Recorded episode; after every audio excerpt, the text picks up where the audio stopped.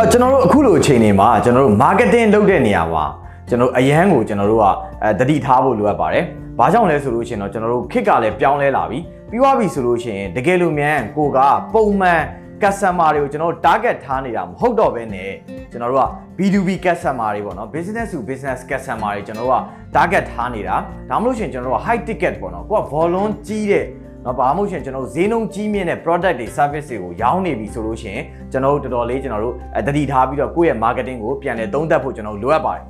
ဒါအပြင်တကယ်လို့များအခုကျွန်တော်ပြောတဲ့အချက်တွေကမိတ်ဆွေနဲ့ကိုက်ညီနေရဆိုလို့ရှိရင်လည်းကျွန်တော်တို့မိတ်ဆွေရဲ့ marketing ကိုပြန်လဲအဲသုံးသပ်ဖို့အတွက်ကျွန်တော်လိုအပ်တယ်ဆိုတာကျွန်တော်အနေနဲ့အကြံပေးခြင်းပါတယ်အဲ့တော့အခုကျွန်တော်ပြောပြမယ့်အကြောင်းအရာတွေထဲမှာဆိုလို့ရှိရင်တကယ်လို့များမိတ်ဆွေရဲ့ target audience ပေါ့နော်ကို target ထားပြီးတော့ marketing လုပ်ချင်တဲ့ customer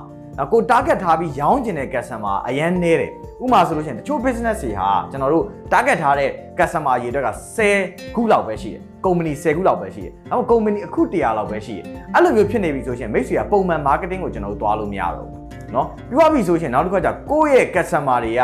interest ကအမြဲတမ်းပြောင်းလဲနေတယ်။ကိုရောင်းတဲ့ပစ္စည်းကတော့တန်ဖိုးကြီးရယ်ဒီနေ့မှ तू ကဒါစိတ်ဝင်စားတယ်။နောက်နေ့မှ तू ကတခြားစိတ်ဝင်စားရတယ်မိတ်ဆွေမသိဘူးဆိုလို့ရှိရင်လည်းမိတ်ဆွေရဲ့ marketing ကိုကျွန်တော်ပြောင်းလဲဖို့လိုအပ်နေပြီ။ နောက်တစ်ခါကျပါလို့ဆိုမိတ်ဆွေ target ထားတဲ့ audience တွေက C level တွေဖြစ်မယ်တကယ် high level ကျွန်တော်တို့ပေါ့နော် director တွေပြီးရင်တကယ် high level လူတွေကျွန်တော် reach out လုပ်ဖို့ခက်ခဲတဲ့သူတွေ နော် follow up လုပ်ဖို့ခက်ခဲတဲ့သူတွေဖြစ်နေရဆိုလို့ရှိရင်လည်းမိတ်ဆွေရဲ့ marketing နဲ့ sales ကိုကျွန်တော်ဒီနေ့ပြောပြမယ့် technique တွေကိုအသုံးပြုဖို့ကျွန်တော်တို့လိုအပ်နေပါပြီနော်ပြီးရင်တစ်ခါလေကြားလို့ရှိရင်ကိုက proposal တွေတင်ထားတယ်အဲ့ proposal တွေတင်ထားတဲ့ status တွေကိုကျွန်တော်မသိဘူးနော် sales closing ကိုဘယ်အချိန်မှလုပ်ရမယ်ဆိုတာမသိဘူး sales cycle ကကျွန်တော်တို့အရန်ကိုကြာတတ်တယ် ဒီခက်ခဲတွေရှိနေပြီဆိုရှင်လည်းမိတ်ဆွေဒီနေ့ကျွန်တော်ပြောတဲ့အကြောင်းအရာကိုတေချာချာကျွန်တော်နားလည်ဖို့အတွက်ကျွန်တော်လိုအပ်ပါပြီအဲ့တော့ကျွန်တော်ဒီနေ့ပြောပြပေးသွားမယ့်အကြောင်းအရာကတော့ကျွန်တော်ဒီကျွန်တော်အခုဖွင့်လှစ်မဲ့ B2B Sales and Marketing Foundation ဆိုတဲ့ training လေးကိုမိတ်ဆွေကိုကျွန်တော်ပြောပြပေးသွားမှာဖြစ်ပါတယ်အဲ့တော့ကျွန်တော်ဒီ B2B Sales and Marketing Foundation မှာဆိုလို့ရှိရင်မိတ်ဆွေကိုကျွန်တော်အပေါ်မှာပြောပြသွားတဲ့မိတ်ဆွေရဲ့အခက်အခဲတွေ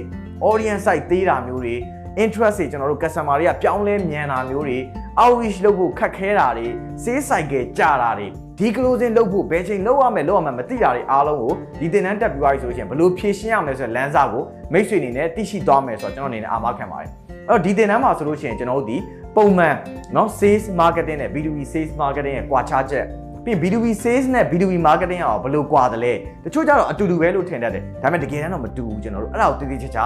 နားလည်ဖို့ကျွန်တော်တို့လိုအပ်တယ်ပြီး B2B မှာဆိုလို့ရှိရင်ကျွန်တော် buyer journey ကိုကျွန်တော်တို့က၄ခုကျွန်တော်တို့ကခွဲလို့ရတယ်เนาะကျွန်တော် customer journey service journey marketing journey sales journey ဆိုပြီးကျွန်တော်အဲ့လိုမျိုး၄ခုခွဲပြီးနားလည်မှမိတ်ဆွေဒီ B2B sales နဲ့ B2B marketing ကိုတည်တည်ချာချာကျွန်တော်လုပ်နိုင်မှာပဲဖြစ်တယ်ဆိုတော့အဲ့ဒါကိုလည်းကျွန်တော်ဒီသင်တန်းမှာပြောပြပေးသွားမယ်နောက်ထပ်ပြီးသွားလို့ရှိရင်ကျွန်တော်ဒီသုံးလို့ရတဲ့ marketing channel တွေဘာတွေလဲ B2B မှာသုံးလို့ရတဲ့ marketing channel တွေအများကြီးပဲအဲ့ဒါတွေကိုလည်းကျွန်တော်သိရှိအောင်ပြောပြပေးသွားမယ်နောက်ပြီးတော့လို့ရှိရင် B2B marketing strategy တခုမှာရှိတဲ့ objective တွေရွေးချယ်လို့ရတဲ့ objective တွေအဲ့ဒါတွေကိုလည်းကျွန်တော်အနေနဲ့ sharing လုပ်ပေးသားမှာပဲဖြစ်တယ် ပြီးရင်တော့ကျွန်တော် B2B marketing ဒီ technology တွေပေါ့နော် B2B marketing မှာဘာတွေသုံးလို့ရလဲအဲ့ technology ကိုကျွန်တော်တေချာ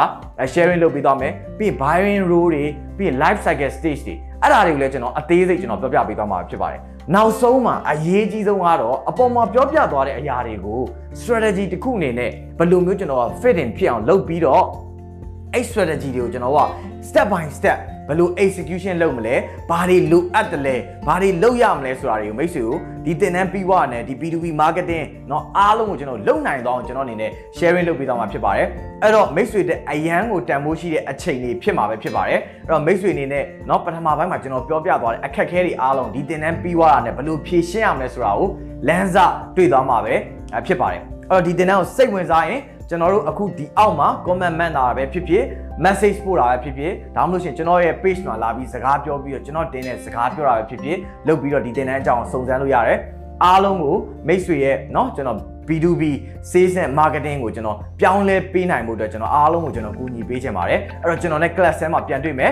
အောက်မှာကျွန်တော်တို့เนาะကျွန်တော်ဆက်သွယ်ပြီးတော့ကျွန်တော်တင်တဲ့စကားပြောပေးကြည့်လိုက်ပါအားလုံးကျွန်တော်နဲ့ class ဆဲမှာပြန်တွေ့ကြပါမယ်ကျေးဇူးတင်ပါတယ်ဗျ